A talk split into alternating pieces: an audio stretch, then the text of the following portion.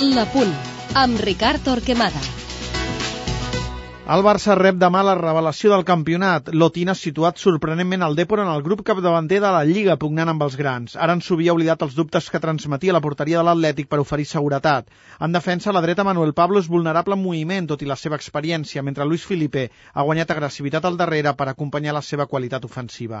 Aleix Lopo ha recuperat el seu nivell, la seva velocitat i anticipació, que barreja bé amb la sortida de la pilota i el joc aeri de Ze Castro. El doble pivot, Sergio triarà les vies de distribució i Juan Rodríguez Rodríguez s'encarregarà d'interferir la circulació al Barça amb agressivitat i desplegament físic.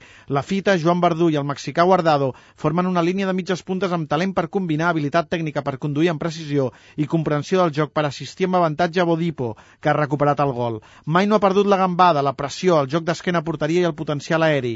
Un especialista del contraatac, el Depor, examinarà la clausura de la primera volta del Barça.